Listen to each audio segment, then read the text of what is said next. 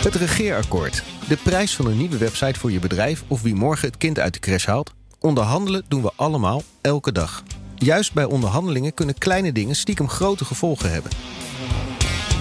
Dit soort kleine fenomenen met grote impact, die noemen wij het bromvliegeffect. In deze aflevering van het bromvliegeffect leer je hoe je in onderhandelingen zulke fenomenen herkent, hoe je de gevolgen ervan kunt vermijden en hoe je dat bromvliegeffect zelf kunt toepassen. Ik ben Eva van den Broek, gedragseconoom. En ik ben Tim den Heijer, reclamemaker. En samen schreven wij het boek Het Bromvliegeffect. Never say no to a hostage taker. It's in the manual. Now, are, you going to tell me no again? No, I'm not. No, uh, wrong answer. Never use no, don't, won't, or can't. All right? It eliminates options. The only option that leaves is to shoot someone. Understand? Uh, yes, yes, I yes, do. good. See, yes is good. You say no again, I'll kill somebody, all right? Dit is natuurlijk de ultieme onderhandeling. Je hoort hier Samuel Jackson, die in een film een onderhandelaar speelt bij een gijzeling. En wat je hoort is dat hij zich over één detail heel erg druk maakt. Never say no to a hostage taker. Nou, wij gaan het hebben over onderhandelingen en waarom dat soort kleine dingen, zoals één woordje, een groot effect kunnen hebben. Dan gaat het zeker niet alleen over gijzelingen, maar juist ook over je keuken of je salaris. Eva, hoe komt het nou dat kleine dingen juist dan zo'n grote impact kunnen hebben? Ja, het gaat hier eh, bij keukens en bij gijzelingen natuurlijk om dingen waarvan je eigenlijk de waarde van het product nog niet helemaal hebt vastgesteld. Dus er is ook niet zoiets als de echte waarde van uh, het mensleven in dat geval, of van wie zijn kind van de crash haalt. En dat zijn dus dingen die, die onduidelijkheid, daardoor zit de onderhandelingsruimte er. En een heel goed voorbeeld van ja, uh, hoe, hoe je dat uh, terugziet echt, is een experiment uh, wat echt al twintig jaar geleden gedaan is, waarin ze het eigendomseffect vaststelden. Wat daar gebeurde was een aantal Amerikaanse onderzoekers die lieten studenten, ja, ze verkochten ze dus iets heel erg sufs, maar zonder waarde weer, een koffiebeker waarop het universiteitslogo stond.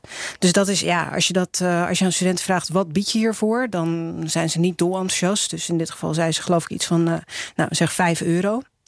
Daarna deden die slimme onderzoekers natuurlijk het omgekeerde. En zeiden ze, joh, uh, die beker van jou, hè, die mag je nou verkopen aan iemand anders, aan je medestudent. Zeg maar, wat, uh, wat vraag je ervoor?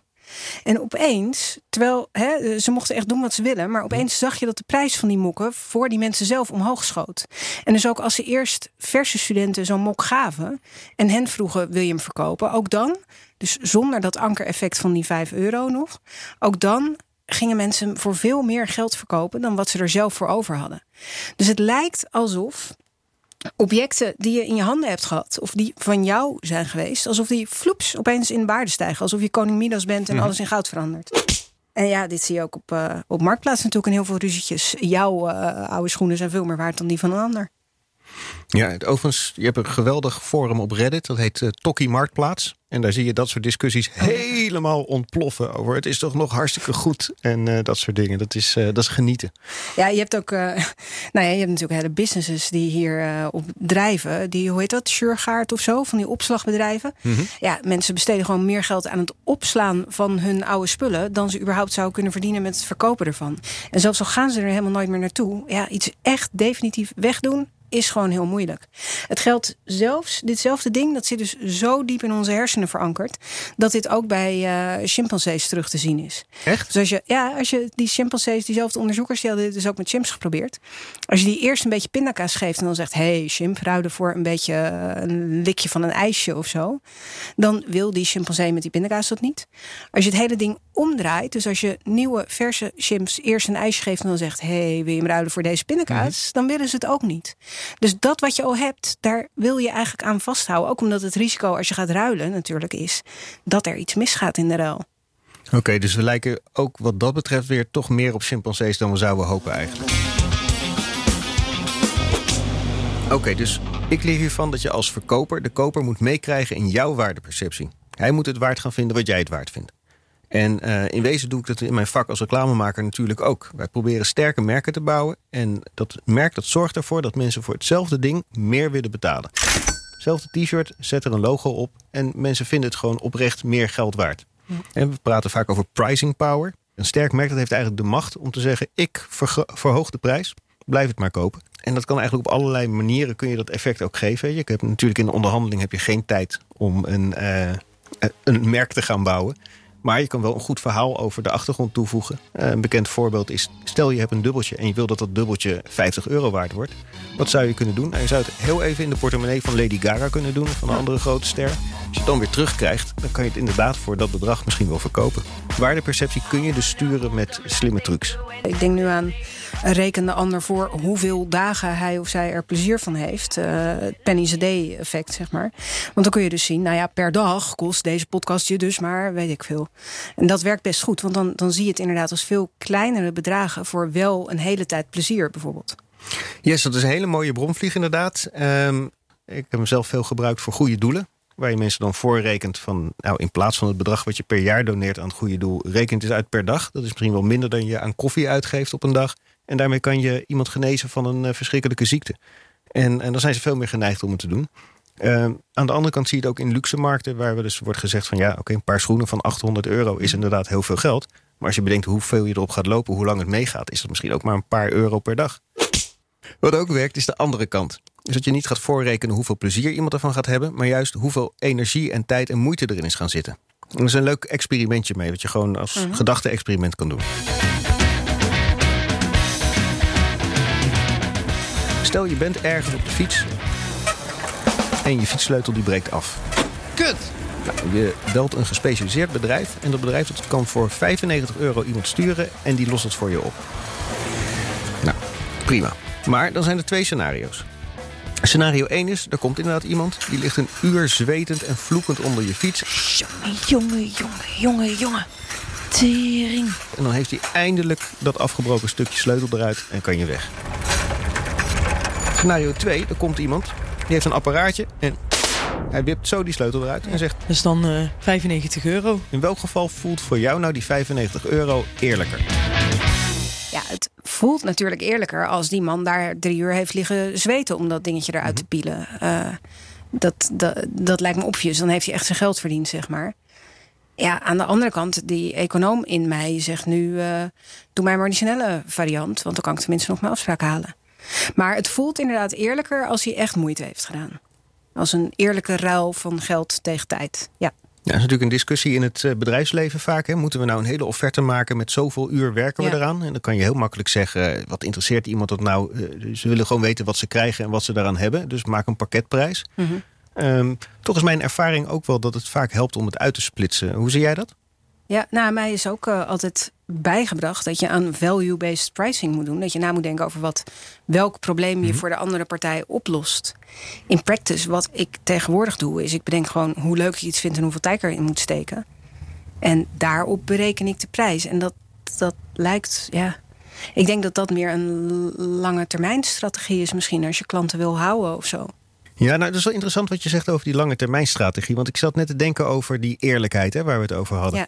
Eh, hoe belangrijk is het nou eigenlijk dat een prijs eerlijk is? Ehm, ik denk dat het heel erg er inderdaad van afhangt of je een lange termijn relatie aangaat. Hè? Of je de andere partij aan het leren bent dat jij heel makkelijk overstag gaat. Of Ja. dat je er toch ook wel eh, kritisch op bent. En ehm, ja, tegenwoordig heb je natuurlijk heel veel eenmalige contacten. Zoals met die fietsenmaker. Maar eh, Mhm. Ja. ons brein is natuurlijk ontstaan in een tijd waarin we ehm, in hele kleine groepjes leefden. En eigenlijk wel moesten zorgen dat we niet bekend gingen staan als iemand waar je makkelijk overheen kon lopen. Dus dat we die eerlijkheid als het ware onbewust altijd aan het managen zijn. Dat, dat is eigenlijk nog helemaal niet zo irrationeel, denk ik. Ja. Hé, maar eh, stel hè. Ik heb morgen een onderhandeling over de prijs van mijn nieuwe auto. Ja. Heb jij dan als econoom een één truc die ik moet inzetten? Ja, er is eh speltheoretisch gezien is er één ding wat je echt van tevoren moet doen. En dat is nagaan wat jouw andere optie is. Dus de, de technische term is de outside option. Dus dat is echt alsof je fysiek naar buiten loopt bij de dealer. Maar het is eigenlijk gewoon wat is je basisoptie, je terugvaloptie, als je niet tot een deal komt in de onderhandeling. Want dat is eigenlijk het laagste waarvoor jij eh, eh, naar huis gaat, zeg maar. Dus daar moet je sowieso bovenuit komen. Als je die heel scherp hebt, dan weet je ook hoe ver je kunt zakken zelf.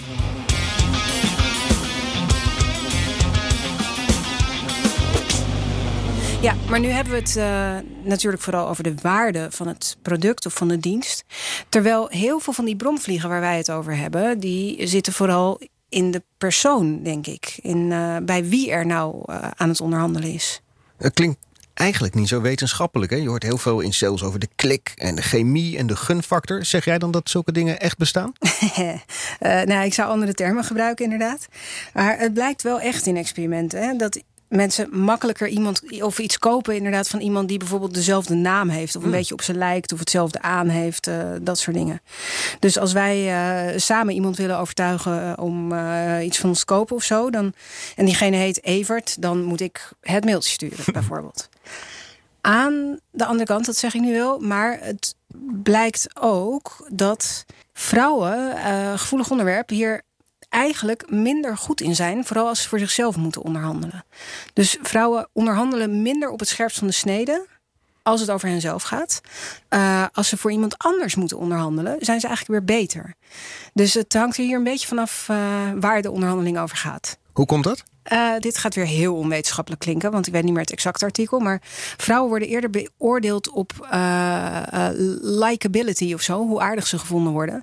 En ze worden en dat voelen ze zelf dus ook aan, uh, als minder aardig gezien als ze hard spelen. Want dat lijkt alsof ze arrogant zijn. En dat is iets wat mannen slecht trekken van vrouwen. Wat je hier concreet mee kan, is als je een uh, vacature hebt en je wil dat vrouwen net zo hard onderhandelen als mannen, dan moet je dat dus expliciet vermelden in die vacaturetekst. Anders onderhandelen vrouwen niet en komen die mannen met meer geld naar huis. Dus als je iets wil doen tegen die salary gap, zet dan expliciet op papier dat er onderhandeld mag worden. Dan durven vrouwen wel. Oké, dus het is eigenlijk helaas niet zo heel irrationeel van die vrouwen om dat onderhandelen uit de weg te gaan. Omdat ze gewoon weten dat het de relatie eigenlijk schaadt. Wat oneerlijk is, maar het is zo.